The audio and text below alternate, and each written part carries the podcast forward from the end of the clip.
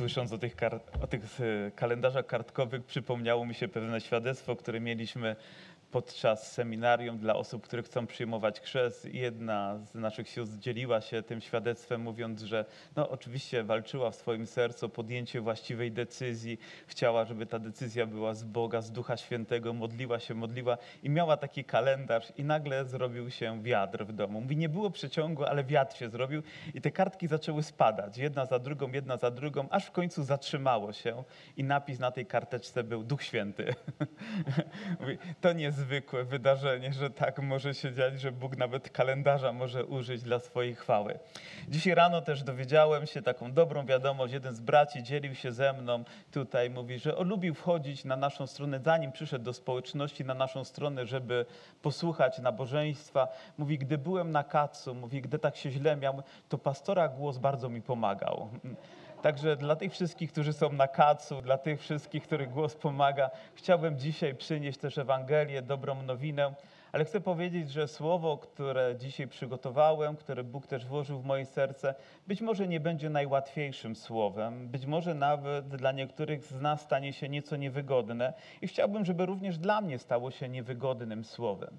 Zatytułowałem to rozważanie, jak pokonać nie wiem, czy mamy slajd, czy nie. Jak pokonać zło? Ze znakiem oczywiście zapytania. I gdzieś możemy szukać odpowiedzi, jak nie w Bożym Słowie, jak nie w tym fragmencie, który przyszedł nam do rozważania. Wielu z Was już przerzuciło korkondację w swoich sercach i oczywiście zatrzymało się na tym wersecie, do którego dojdziemy, ale od którego rozpoczniemy. Jest to dwunasty rozdział listu do Rzymian. Czytamy fragment z Bożego Słowa, który powiada oto tak. Nie daj się zwyciężyć złu, ale zło dobrem zwyciężaj. Brzmi jak złota zasada, brzmi jak, jak taka karteczka z ciasteczka, które gdzieś tam wyciągamy, ale jest to prawdziwe słowo. Nie jest to tylko pobożne życzenie, ale jest to prawda, która dotyczy mojego i Twojego życia. Mam wrażenie, że ostatnio pojawiło się wiele zła, wy również, i ono próbuje się wkradać niemal każdą szczeliną do naszego życia, i myślę, że próbuje się też wkradać do naszej społeczności, do wielu innych społeczności, przynosząc zamęt, przynosząc spustoszenie. I być może to słowo dlatego jest tak aktualne w moim życiu i tak ważne i zachęcające mnie do tego, abym zawsze stawał po stronie dobra. Więc ja dobra nie rozumiem jako, jako czegoś uniwersalnego, jako takie pojęcie abstrakcyjne. Zawsze dobro w moim życiu będę kojarzył z moim Panem Jezusem Chrystusem. Będę kojarzył z Jego obecnością, będę kojarzył z Jego słowem w moim życiu.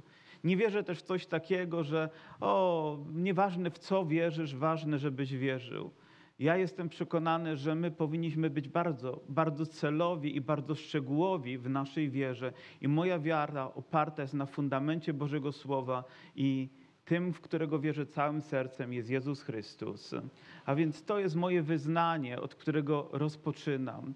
Ale też nie jestem daleki od tego fragmentu, bo to zło nie tylko Wam zagraża, a mnie nie, ale zagraża nam wszystkim i dlatego zostało tutaj umieszczone, aby nas przestrzec. Żyjemy w takich czasach, a ja jestem w takim wieku, gdzie pewne rzeczy stają się wyraźne i być może w moim sercu również takimi stają się i nawet boję się, że w niektórych kwestiach mojego życia ja się radykalizuję. To znaczy, że te poglądy są ostrzejsze niż były wcześniej. Nie wiem, czy mi się ten duchowy wzrok poprawia, czy jakieś niebezpieczeństwo się pojawia jakiś tetrycyzm się we mnie odzywa, że stanę się teraz zgryźliwy, że na wszystko będę narzekać, jęczeć i że ono nie odzywaj się. Także jeżeli cokolwiek takiego mogłoby się pojawić, muszę z tym walczyć muszę się temu przeciwstawiać, ale z drugiej strony muszę wyselekcjonować wszystkie te rzeczy, którym powinienem się przeciwstawić i wiedzieć, jak mam się przeciwstawić, wiedzieć, jaką duchową walkę mam stoczyć, aby być zwycięzcą, bo Biblia mówi, nie daj się zwyciężyć złu, ale zło zwyciężaj dobrem. W zasadzie moglibyśmy zakończyć kazanie, bo już wiemy, jak zwyciężać zło. Wiemy, że potrzebujemy do tego osoby i dzieła Pana Jezusa. Wiemy, że potrzebujemy do tego Ducha Świętego i Jego prowadzenia. Potrzebujemy Jego mocy. Ale są też czasami to takie uniwersalne pojęcia. Dlaczego? Bo cała, cały list do Rzymian jest też pewną prawdą taką uniwersalną w znaczeniu, że dotyczy całego Kościoła o zbawieniu z łaski, że na podstawie wiary i przez wiarę jesteśmy zbawieni. To jest piękne przesłanie, ale dwunasty rozdział i ten fragment, który będziemy czytać, jest bardzo precyzyjny. Wskazuje nam pewne szczegóły, dotyczy sytuacji naszego życia, dotyczy Kościoła, dotyczy mnie i Ciebie i tego, w jaki sposób my powinniśmy się zachowywać jak powinniśmy z takimi rzeczami, które się pojawiają radykalnie, ale też z miłością walczyć, przeciwstawiać im się, aby wiedzieć, że stajemy zawsze po stronie dobra. Jestem przekonany, że i dzisiaj na tym miejscu, i że jutrzejszego dnia, i być może nawet dzisiejszego popołudnia będziemy musieli znowu dokonać pewnego wyboru. Zło się pojawi, jakaś sytuacja trudna, stań po właściwej stronie, Podejmij właściwą decyzję, zachowaj się tak, jak obliguje i zachęca cię do tego Boże, Boże Słowo. Dzisiejszy fragment będzie skierowany do Kościoła, bo też i ten list jest skierowany do Kościoła, ale nie jest tylko kwestią e, takiej, takiego indywidualnego też zrozumienia, ale nas jako całości, choć poprzez to i indywidualne nasze podejście do tego, że jesteśmy Kościołem. A więc na początku tego listu apostoł Paweł w 12 rozdziale, w pierwsze dwa, list, dwa wiersze, które omawialiśmy w minionym tygodniu, mówi: Wzywam was wtedy, bracia, zachęca nas, apeluje do nas, abyśmy składali nasze ciała jako ofiarę żywą, świętą, miłą Bogu. Mówi, bo taka winna być duchowa służba wasza. Mówi, nie upadabniajcie się do tego świata. I jakby bez tej decyzji, bez tego świadomego oddania, być może nie będziemy w stanie pójść dalej, żeby zrozumieć ten fragment.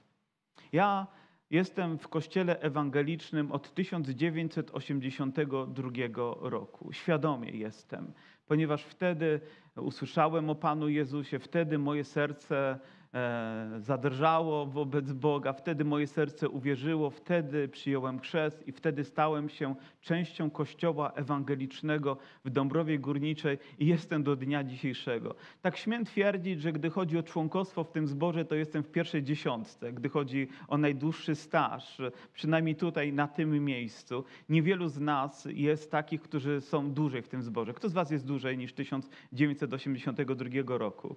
Raz, dwa, trzy, cztery, cztery osoby, a więc nawet w pierwszej piątce jestem, aleluja. Na podium jeszcze nie jestem, ale, ale jestem w pierwszej piątce, więc znam ten Kościół. I widzę też, jak on się zmienia na przestrzeni tego czasu. Czy mogę powiedzieć, że rzeczy są lepsze? Czy rzeczy są łatwiejsze? Czy rzeczy są przyjemniejsze? Czy też odwrotnie? Oto jest pytanie.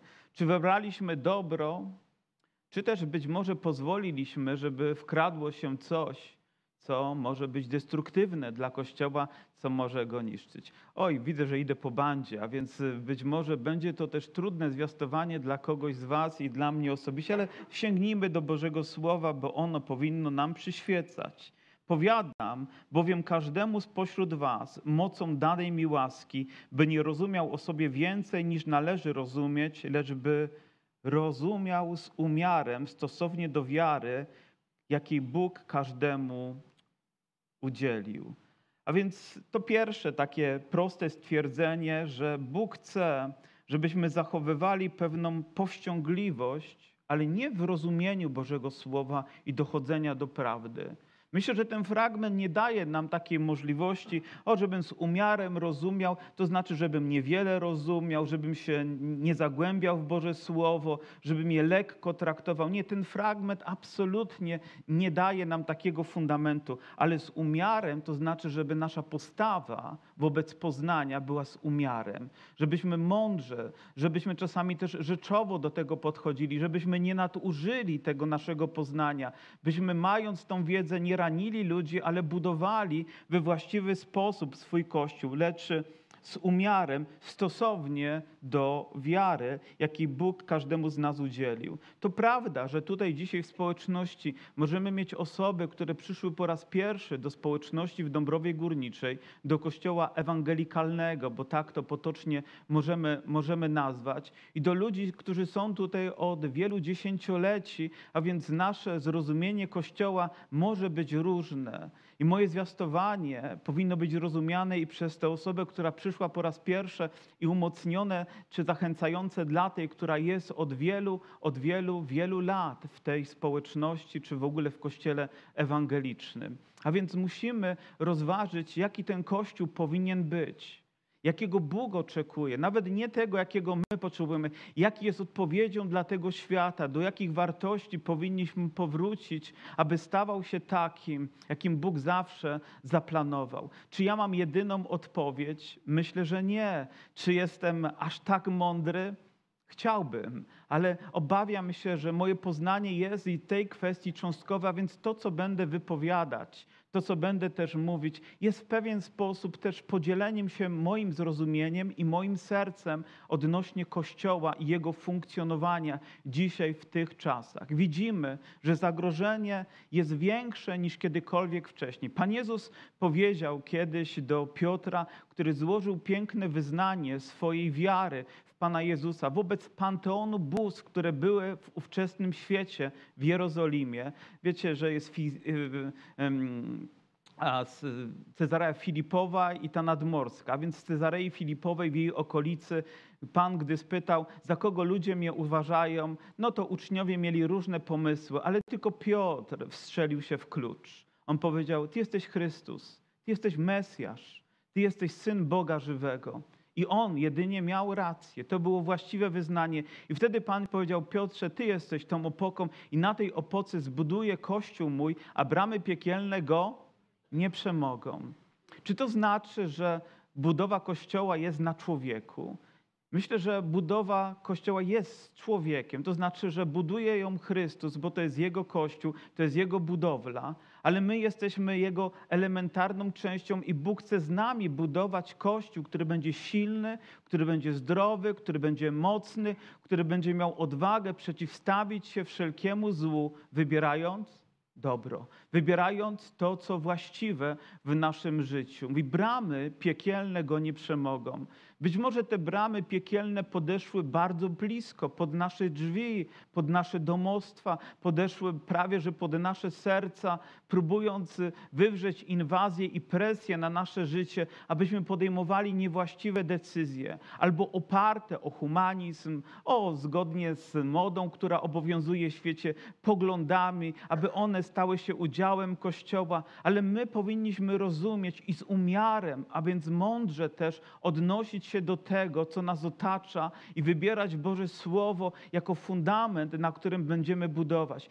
Fundamentem naszym jest Pan Jezus i Jego Słowo, które zostało nam objawione i ono jest niezmienną prawdą przez dwa tysiące lat. I dlatego Kościół jeszcze funkcjonuje, bo gdyby nie to, nie byłoby ani mnie, ani Ciebie. A więc jeżeli zlekceważymy to poznanie, jeżeli zlekceważymy zrozumienia Słowa, to nie będzie też Kościoła. Nie będzie mnie i Ciebie, nie będzie Ewangelii. Dzisiaj brat Andrzej zatrzymał się w pewnym momencie i mówi, tutaj Ewangelia byłaby niepełna, albo byłoby to smutne. Wiecie, wtedy Ewangelia nawet myślę nie byłaby Ewangelią, bo nie byłaby tym, co zostało nam objawione, gdy bierzemy jakąś cząstkę, wybieramy dla siebie, albo tę cząstkę, którą wybieramy dla siebie. Już Wam powiedziałem, że nieco zaradykalizowałem się w moich poglądach. Może dlatego, że moje poznanie Bożego Słowa jest większe, głębsze, może bardziej dociera dzisiaj z większą świadomością do mojego życia. I dlatego, gdy słyszę poglądy, które są niezgodne z Bożym Słowem, niezgodne z prawdą, która została nam objawiona, ja wręcz alergicznie reaguję. Najpierw to jest łzawienie mojego serca, to jest smutek, który się pojawia, ale również jakaś niezgodność zgoda na to, by taka nauka miała być prawo prezentowana w kościele Pana Jezusa Chrystusa. Bo jeżeli zbłądzimy w tym nauczaniu, to poprowadzimy Kościół na manowce, poprowadzimy ludzi na manowce, a na pewno nie tam, gdzie Chrystus chce, abyśmy byli. Dlatego jest to tak istotne, abyśmy rozumieli Bożą wolę i umiar zachowali, mądrość, być może nawet pościągliwość, każdy z nas osobiście, by mieć odwagę tę prawdę razem tutaj zaprezentować w tej społeczności. Mam też takie e, spojrzenie na Kościół, że jesteśmy tak różni i o tym mówi kolejny fragment, mówi tak bowiem w jednym ciele wiele mamy członków, a nie wszystkie członki tę samą czynność wykonują. Mamy wielość w jedności, nie wielość w indywidualności. Mamy wiele różnych członków, które są w tym samym ciele Pana Jezusa Chrystusa, a nie wielość gdzieś indywidualnych jakichś elektronów czy osób, które sobie swobodnie żyją, interpretują jak chcą i mówią, nikt nie może mnie za to jakby przywołać do odpowiedzialności. Ale to nie jest Kościół. To nie jest zaprezentowanie biblijnej prawdy, bo prawda jest taka, że my jako Kościół też jesteśmy jednością. Prawdą jest to, że należymy do Kościoła w znaczeniu Bożego Królestwa, szerszego spojrzenia na cały świat, gdzie zbory są, ale w naszym rozumieniu to tutaj Bóg nas umieścił i tutaj włączył nas w ciało Jezusa Chrystusa i chce, abyśmy zdrowo i mądrze, zachowując tą różnorodność, ale również jedność i spójność, dobrze funkcjonowali, bo tylko wtedy ciało jest zdrowe, gdy głowa funkcjonuje właściwie, a wszystkie członki spełniają swoją funkcję, reagują na to. Niedawno słyszałem, jak pewna siostra opowiadała, że mówi, no mój mąż już nie chodzi tak szybko jak kiedyś, ma pewne problemy. Mówi, głowa idzie szybko, ale ciało idzie, idzie wolniej, że chciałby postawić krok, ale już nie może tak szybko. Dlaczego? Bo coś wydarzyło się z wiekiem, co ten proces spowolniło. Być może jakieś zachorowania, kontuzje, po prostu słabość ciała. Ale ja nie chciałbym, żebyśmy jako Kościół się zestarzeli. Wiecie, o czym, o czym mówię? Żebyśmy zawsze reagowali tak, jak głowa tego chce, tak jak Chrystus, bo jest jesteśmy w Jego ciele i każdy członek jest ważny. Mamy w naszym zborze pewną rozpiętość wiekową. O ile wiem, chyba najmłodsze dziecko, które nie jest jeszcze członkiem, bo wiemy, że nie mamy członków Kościoła w znaczeniu dzieci, które są po prostu częścią Bożej rodziny, dlatego że do takich należy królestwo. I mamy też ludzi, którzy zbliżają się do 90 lat i może niektórzy nawet ten, to przekroczyli. A więc mamy rozpiętość. Spójrzcie, jak ogromną. A po środku mamy ludzi w różnym wieku. I tak widzę Kościół. Nie widzę Kościół tylko albo ludzi starszych, albo tylko młodzieżowy Kościół, albo tylko Kościół jakiś tam środka, ale Kościół to powinna być rodzina, gdzie są dzieci, gdzie są powiedzmy wnuki, gdzie są ludzie w wieku średnim, gdzie jest młodzież i dorośli i wszyscy razem możemy uwielbiać Pana. Amen. I cieszymy się, jesteśmy dumni z tego, że mamy tak wielu starszych ludzi i cieszymy się, gdy kolejne dziecko przez rodziców jest przynoszone tutaj na środek, abyśmy je błogosławili, bo jesteśmy jednym ciałem. Bo jesteśmy jednym kościołem, bo chcemy to wyrażać najlepiej i najpiękniej, jak, jak potrafimy. Ale zwróćcie uwagę, że jesteśmy, że jesteśmy w ciele Chrystusa. I ja rozumiem to tak, że aby być w ciele Chrystusa, to oczywiście, że potrzeba narodzić się z ducha, narodzić się z wody, trzeba wierzyć w Pana Jezusa, ale ja rozumiem też to tak, że potrzebujemy stać się częścią lokalnej społeczności. Nie wiem, czy tutaj ta społeczność uważam, że jest dobra. Czy jest najlepsza? Tego nie powiem, bo nikt nie powinien tak mówić, ale jest na tyle dobra, by przyjmować, by budować, by umacniać naszą wiarę, by czcić Boga, by zwiastować Ewangelię. Ale gdziekolwiek jest społeczność, tam gdzie jesteś. I gdyby nawet dzisiaj ktoś tylko pozostawał na takim pokarmie online i mówi, to mi wystarczy, to nie, nie rozumie tak tego, że jesteś członkiem Kościoła, że jesteś w ciele Chrystusa. Jesteś kibicem kibicem, który nas obserwuje. Cieszymy się z tego, gdy mamy kibiców. Mogą nam klaskać, mogą wiwatować, mogą nas wspierać, ale nie, my chcemy, żebyście byli, żebyśmy wszyscy byli częścią Bożej rodziny, żebyśmy byli odpowiedzialni za siebie nawzajem, stanowiąc jedność ciała Chrystusowego. pójdę więcej, pójdę dalej. I tutaj oczywiście ziemia drży pode mną. Nawet ktoś, kto dzisiaj jest tak independent na nabożeństwie, taki niezależny, to nie znaczy, że tutaj jesteś, że jesteś częścią Kościoła. Jesteś częścią tego zgromadzenia, masz przywilej słuchać Bożego Słowa, ale nie jesteś częścią Kościoła. Nie jesteś częścią naszej społeczności, bo żeby nią być, to trzeba być świadomym tego, trzeba być zdeklarowanym, trzeba cieszyć się przywilejami, które temu towarzyszą i obowiązkami, które wynikają z tego, że jesteśmy częścią ciała Chrystusowego. Ten dwunasty rozdział będzie bardzo długim rozdziałem w naszym życiu. Ale tak rozumiem.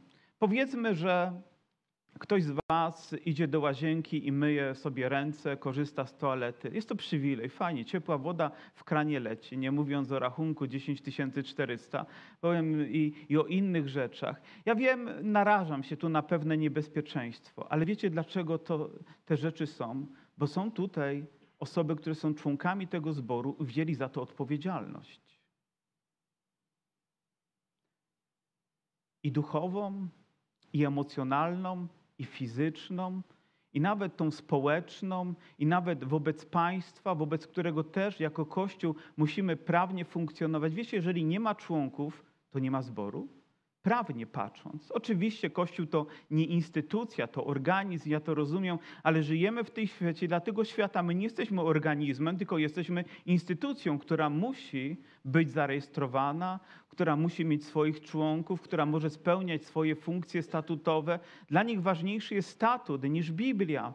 To, co tam zostało określone i co też nie jest sprzeczne z prawem ogólnie pojętym, ale i ta rzecz jest ważna dla nas. A więc odpowiedzialnością naszą powinno być nie tylko uczestniczyć w czymś, ale być odpowiedzialną częścią tego zboru. Wziąć odpowiedzialność na swoje barki, na swoje serce, na swoje sumienie, na swoje życie, a nawet na swoje konto, aby wspierać, aby angażować się, bo taki jest przywilej. Gdy czytam cały Nowy Testament i gdy czytam dzieje apostolskie, zwłaszcza mówiące o powstawaniu, rodzeniu się wspólnot, to nie widzę jakoś wierzących gdzieś żyjących sobie wolno i nie przejmujących się tym, co jest w kościele, ale każdy z nich był częścią, był odpowiedzialny, a nawet czasami z wielką mocą napominany, jeżeli była taka potrzeba, bo tak powinien funkcjonować Kościół. Taka jest nasza też odpowiedzialność wobec tego świata. Inaczej funkcjonuje ten świat. Weźmy inny przykład. W tym świecie są tak zwane związki partnerskie, że oto mężczyzna i kobieta żyją ze sobą jak mąż i żona, ale nie legalizują swojego związku, ponieważ uważają, że nie potrzebują tego, bo może dzisiaj są z tą kobietą, e, ten mężczyzna, albo ta kobieta z tym mężczyzną, ale nie wie, jak będzie jutro. W związku z tym nie ma takiej potrzeby. Czy to ma coś wspólnego z Kościołem? Czy tak zostało nam przedstawione to, czego uczy nas Boże Słowo? Czy możemy uznać to za mniejsze zło, za część dobra, bo lepiej, żeby tak żyli, niż żeby mieli się żreć przez całe życie, jak to bywa w małżeństwach? Bo można wyskoczyć. Nie, bez względu na ryzyko, które za tym stoi, Biblia uczy nas, że wszelkie związki seksualne pozamałżeńskie są złe, są grzeszne, są tym, co nie powinno mieć miejsca. A więc rozumiem też to, że gdyby ktoś był w zborze i ktoś, kto żyje, powiedzmy, bez zalegalizowanego związku małżeńskiego, a chciałby być częścią, nie powinien być. Moja siostro, mój bracie, nawet nie wiem, czy tak mogę się zwracać, jeżeli masz świadomość tego, że jesteś Bożym dzieckiem, a nie chcesz wyregulować tej rzeczy w swoim życiu, to no, upamiętaj się.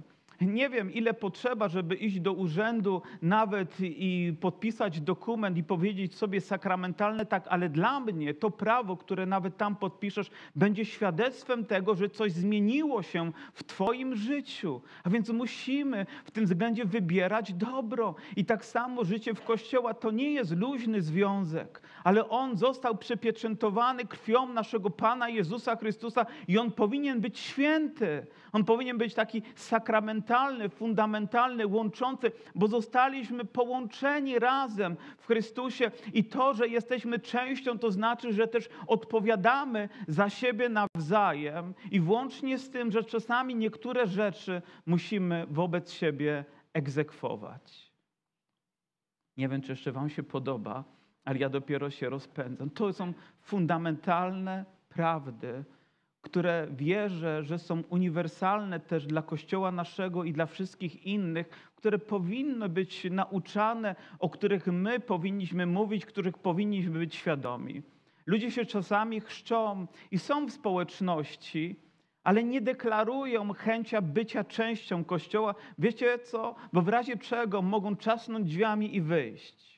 Ale tak nie postępuje mąż wobec rodziny, ani żona wobec rodziny. Tak nikt nie powinien postępować. Oczywiście, że są powody, dla których czasami ludzie zmieniają społeczności, ale one muszą wynikać z czegoś naprawdę głębokiego, gdy pojawia się fałszywa nauka, gdy pojawia się zły kierunek, gdy pojawia się zła pobożność, gdy wkrada się liberalizm, to żeby nie kłócić się, bo uważam, że to nie jest miejsce, żeby toczyć nie wiadomo jakie spory. Czasami lepiej jest znaleźć miejsce, gdzie będziemy mogli duchowo wzrastać, duchowo się rozwijać, pielęgnować nasze życie.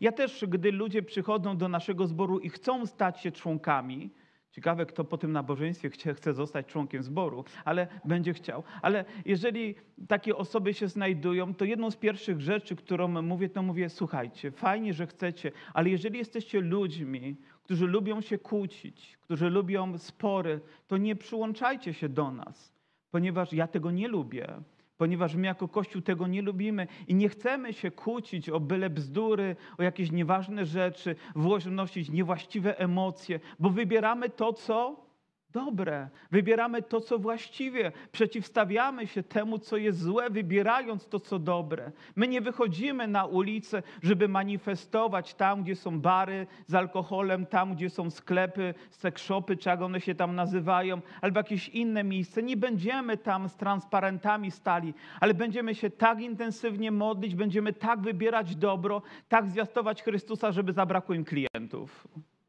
Naprzeciwko tutaj był bar i też namawiano mnie, o masz prawo, żeby pójść i zamknąć ten bar, wystarczy, że zgłosić w urzędzie miasta i oni go zamkną, bo odległość od drzwi wejściowych tam jest zbyt, zbyt krótka, żeby to zgodnie z prawem mogło funkcjonować. Ja mówię, ale czy coś zmieni? Otworzą drzwi z drugiej strony i nic się nie zmieni. A więc będziemy się modlić, żeby zamknęli ten bar. Tydzień później zamknęli.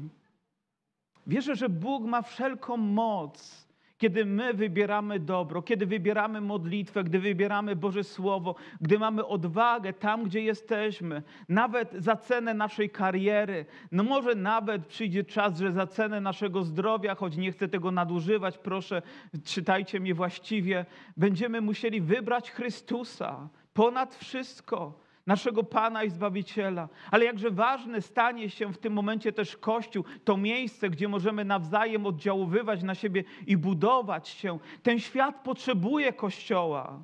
Bardziej niż kiedykolwiek wcześniej. Oczywiście, że ten obraz został wypatrzony przez instytucje i zło, które dokonywało się przez wieki. Dlaczego? Bo Kościół odszedł od prawdy, bo zaczął wybierać to, co było bardziej populistyczne niż biblijne. Zaczął wybierać taką formę pobożności, która była odpowiedzią na potrzeby większości, ale nienawróconych ludzi. Ale my wciąż stajemy w miejscu, gdzie wybieramy dobro, aby zwyciężyć, aby zwyciężyć zło, aby przeciwstawić się. To nie jest taki frontalny atak, że idziemy pięściami, walczymy, ale wybieramy po prostu dobro. Wybieram dobro w moim sercu, w moim życiu, w moim domu, w społeczności, w mojej relacji, w moim zachowaniu, a Chrystus będzie uwielbiony.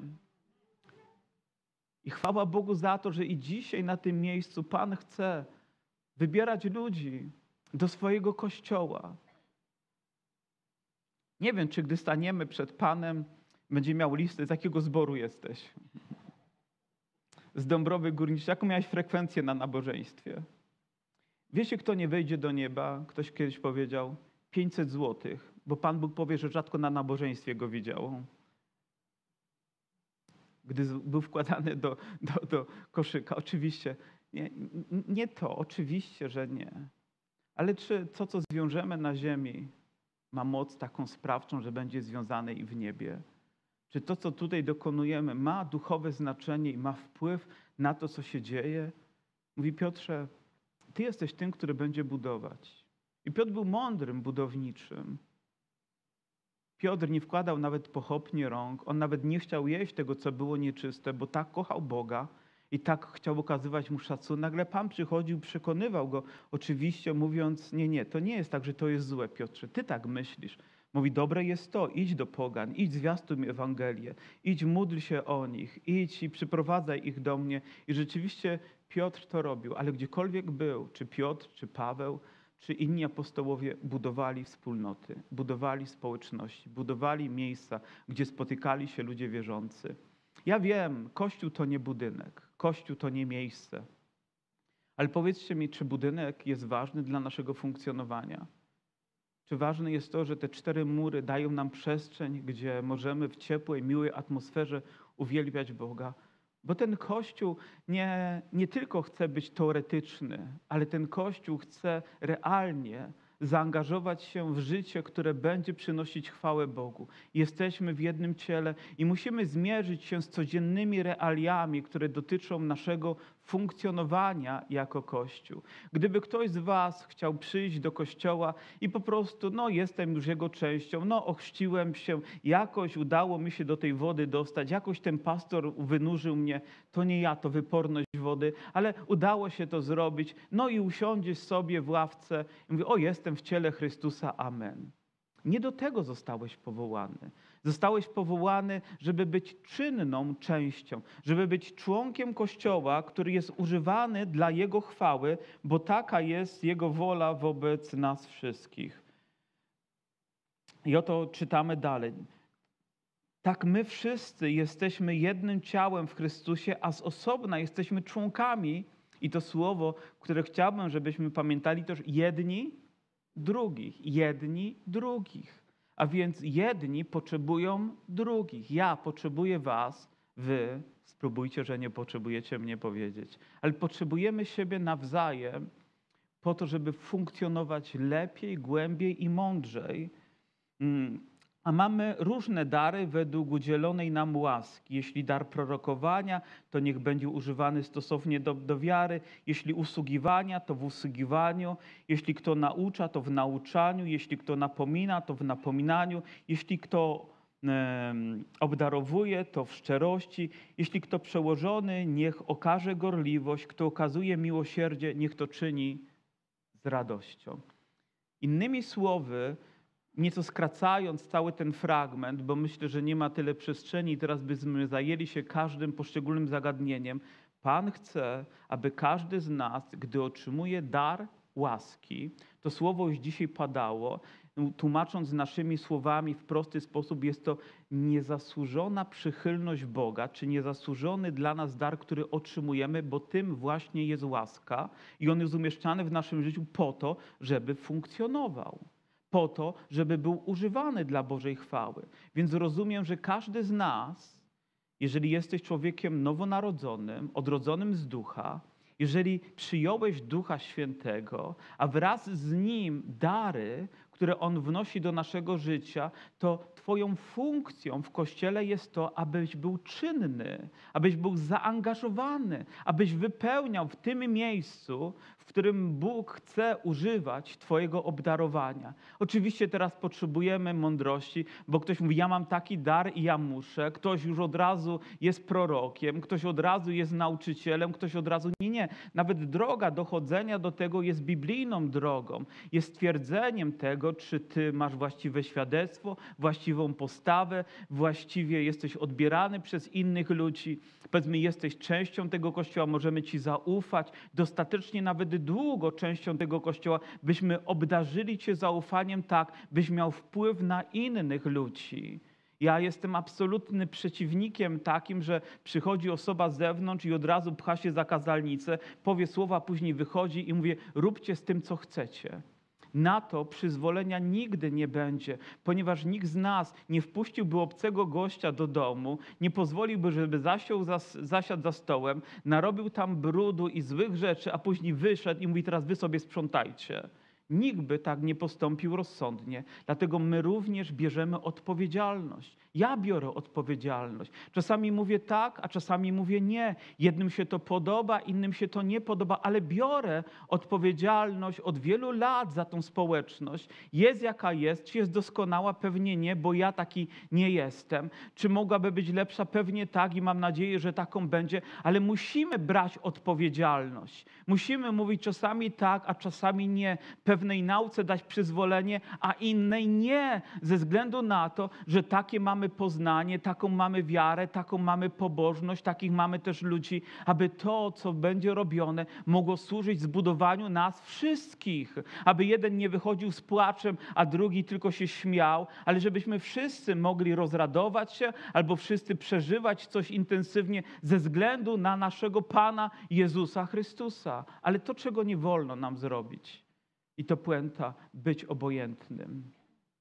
Być takim zasiedziałem w miejscu, gdzie tylko jest Tobie wygodne. Jesteś powołany, aby być czynnym, aby być zaangażowanym, aby być używanym przez Boga, aby Duch Święty Cię prowadził. I wtedy Twoje chrześcijaństwo, Twoja wiara, Twoja radość z poznawania Bożego Słowa będzie wzrastać. Wszystko stanie się inne, bo będziesz wypełniał tę funkcję, do której też zostałeś powołany. Bóg nie tylko nas zbawił do, ale również i ku temu, co ma być dobre, co ma służyć Jego chwale. Czy jest tutaj chociaż jedna osoba, której Bóg nie chciałby powołać, aby służyła Mu? Nie.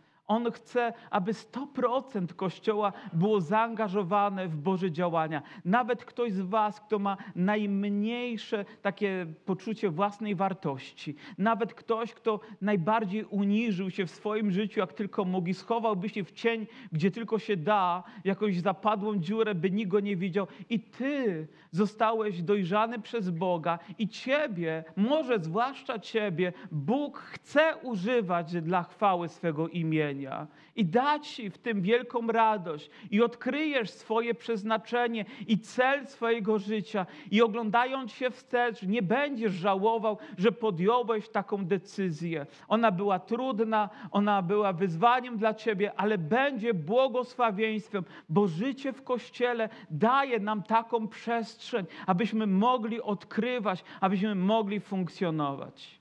Zauważyłem też gdzieś w historii wielkie osoby, które stały się gwiazdami, czy muzyki pop, jakiejkolwiek innej, które zaczynały w chórach kościelnych.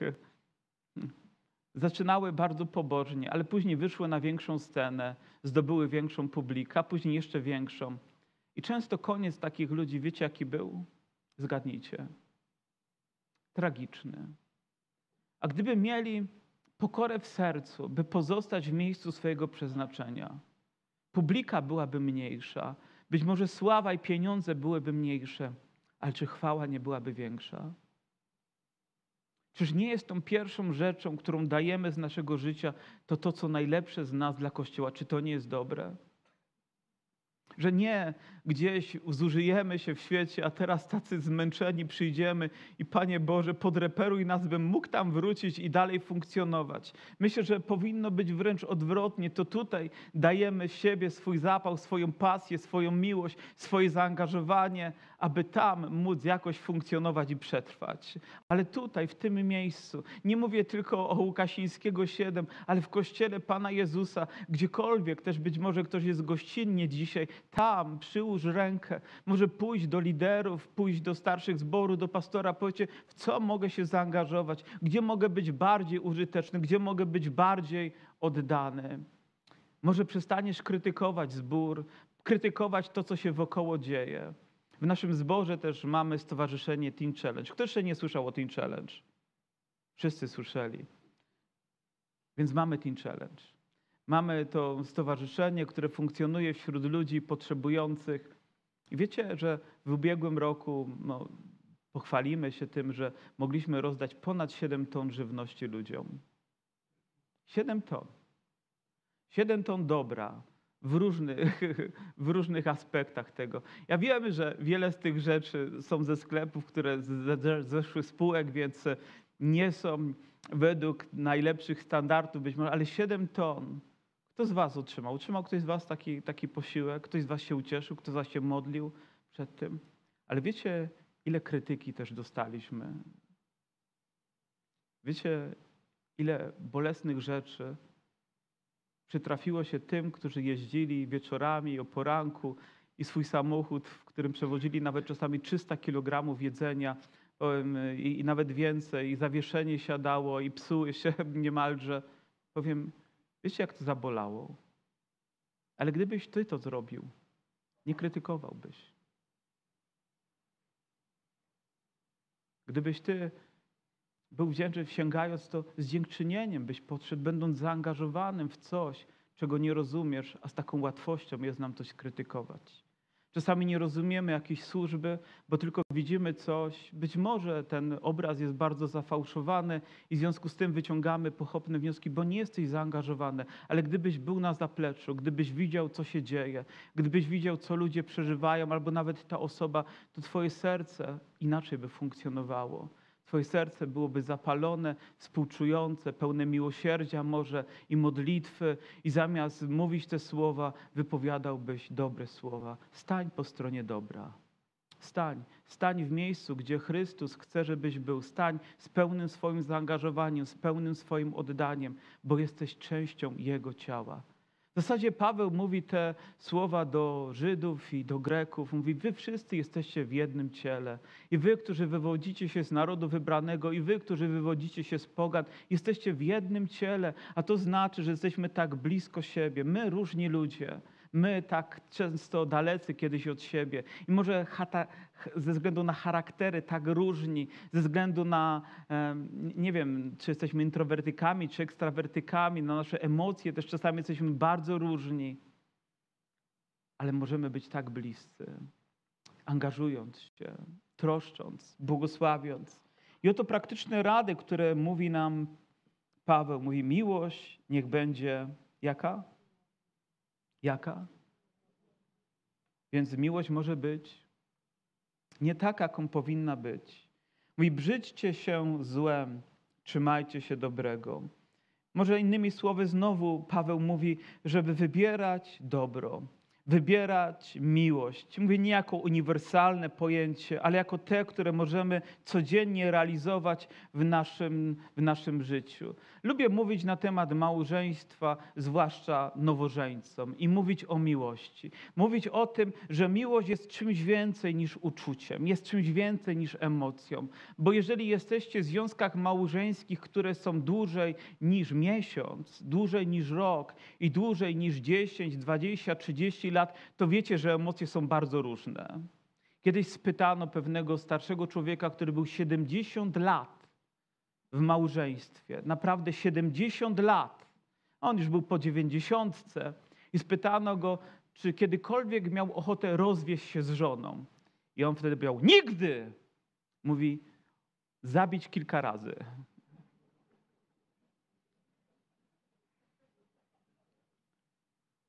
Nasze emocje potrafią się zmieniać.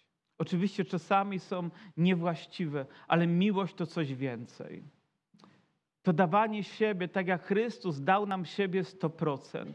Nie ograniczając nic, nie przyszedł tylko w cząstce, w jakiejś części, ale przyszedł cały dla nas, aby dać nam siebie, aby Jego obecność w nas mogła emanować również tym, że my dajemy siebie w naszych rodzinach, w naszych małżeństwach, w naszej społeczności, całych siebie. Nie cząstkę, ale wszystko to, co Chrystus dał nam, możemy w piękny sposób wyrazić. I dlatego Pan Jezus tak radykalnie odniósł się do faryzeuszy, mówiąc: Jesteście jak groby pobielane, bo na zewnątrz wszystko wygląda dobrze, ale wewnątrz nic nie jest takim, jakiego Bóg, jakiego Bóg chce czy oczekuje od Was. Mówi, na zewnątrz pobożność wasza jest nie do, nie do podważenia, ale wewnątrz nie ma miłości, wewnątrz nie ma pasji, wewnątrz nie ma oddania, wewnątrz nie ma uświęcenia. Myślę, że Bóg chce czegoś więcej od nas niż tylko pozorów miłości. On chce pełni miłości. Jeżeli mężczyzna prawdziwie kocha kobietę, to uczyni ją swoją żoną.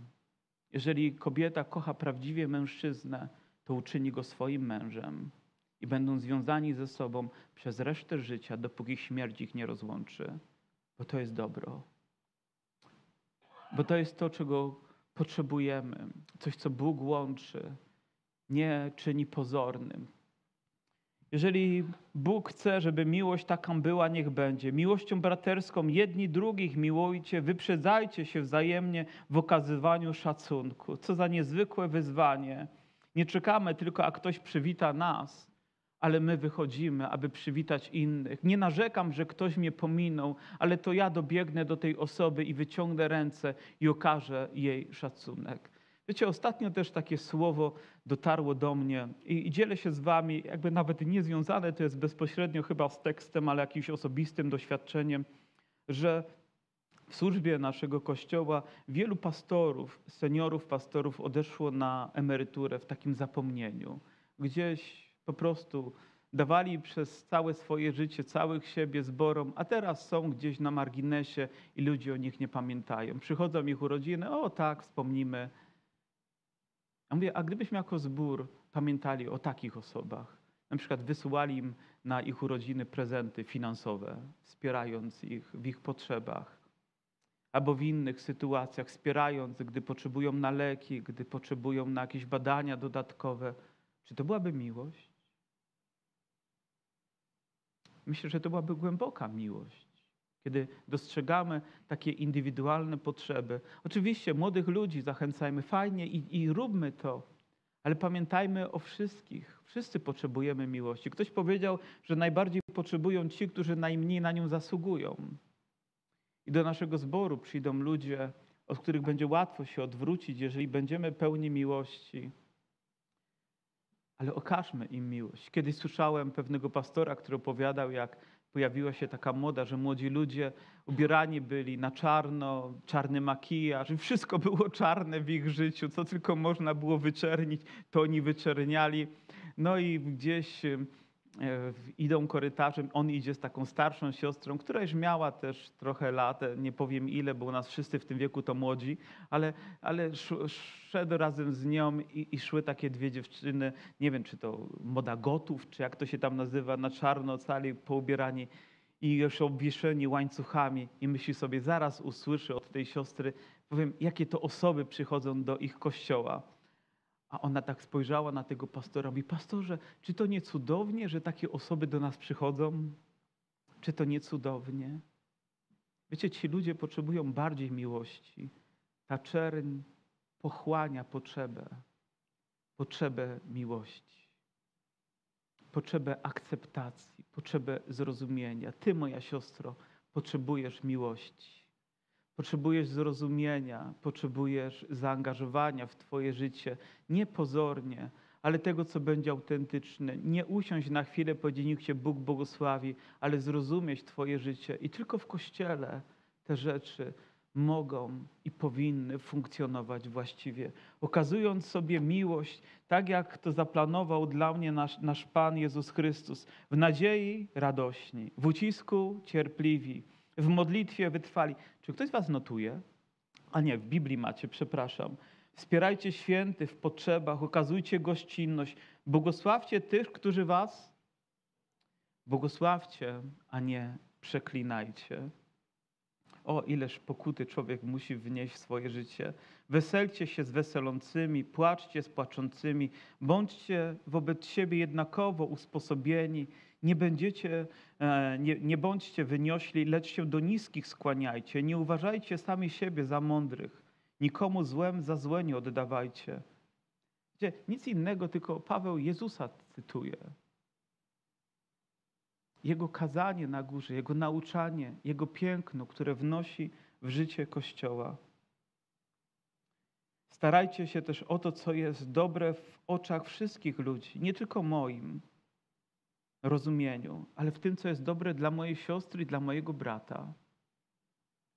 Jeśli można, o ile to od Was zależy, ze wszystkimi ludźmi pokój miejcie. Wiecie, ile razy słyszałem, jak to ludzie wierzący mówią: A, powiem, tak źle mnie traktują, bo jestem osobą wierzącą. A może ty jesteś po prostu osobą nieznośną? Może nie potrafisz żyć z ludźmi? A wrzucasz to na kark swojej wiary i trudności, jakie są. Kiedyś moja żona opowiadała mi o koleżance, która gdziekolwiek była, to zawsze kłóciła się z ludźmi, traciła pracę i oczywiście zawsze czuła się ofiarą w tej sytuacji. Ale to, jeżeli będziesz miał właściwą postawę, a znam świadectwa ludzi wierzących, to ci ludzie są cenieni w pracy. Cenieni są przez kolegów. Kiedy przebrną już przez ten pierwszy okres trudności, być może takiej fali krytycyzmu, nagle ludzie odkrywają ich szlachetność, ich właściwą motywację, ich zaangażowanie, ich pracowitość, ponieważ są ludźmi wierzącymi i dają tego świadectwo, a świat tego potrzebuje. Potrzebuje mieć nas tam, takimi, abyśmy mogli składać świadectwo. Czasami rodzice mówią: O, moje dziecko jest wierzące i jest prześladowane przez innych. Nie twierdzę, że tak nie jest, ale czasami Twoje dziecko może mieć inne problemy, a Ty zrzucasz to na ten akurat obszar, który jest Ci wygodny, zamiast zająć się odpowiedzialnością rodzicielską i też możliwością korzystania ze wszystkiego, aby pomóc dziecku odnaleźć się tam, gdzie jest. Wie, są trudne rzeczy, ale musimy wybierać te, które zawsze będą wyrobione.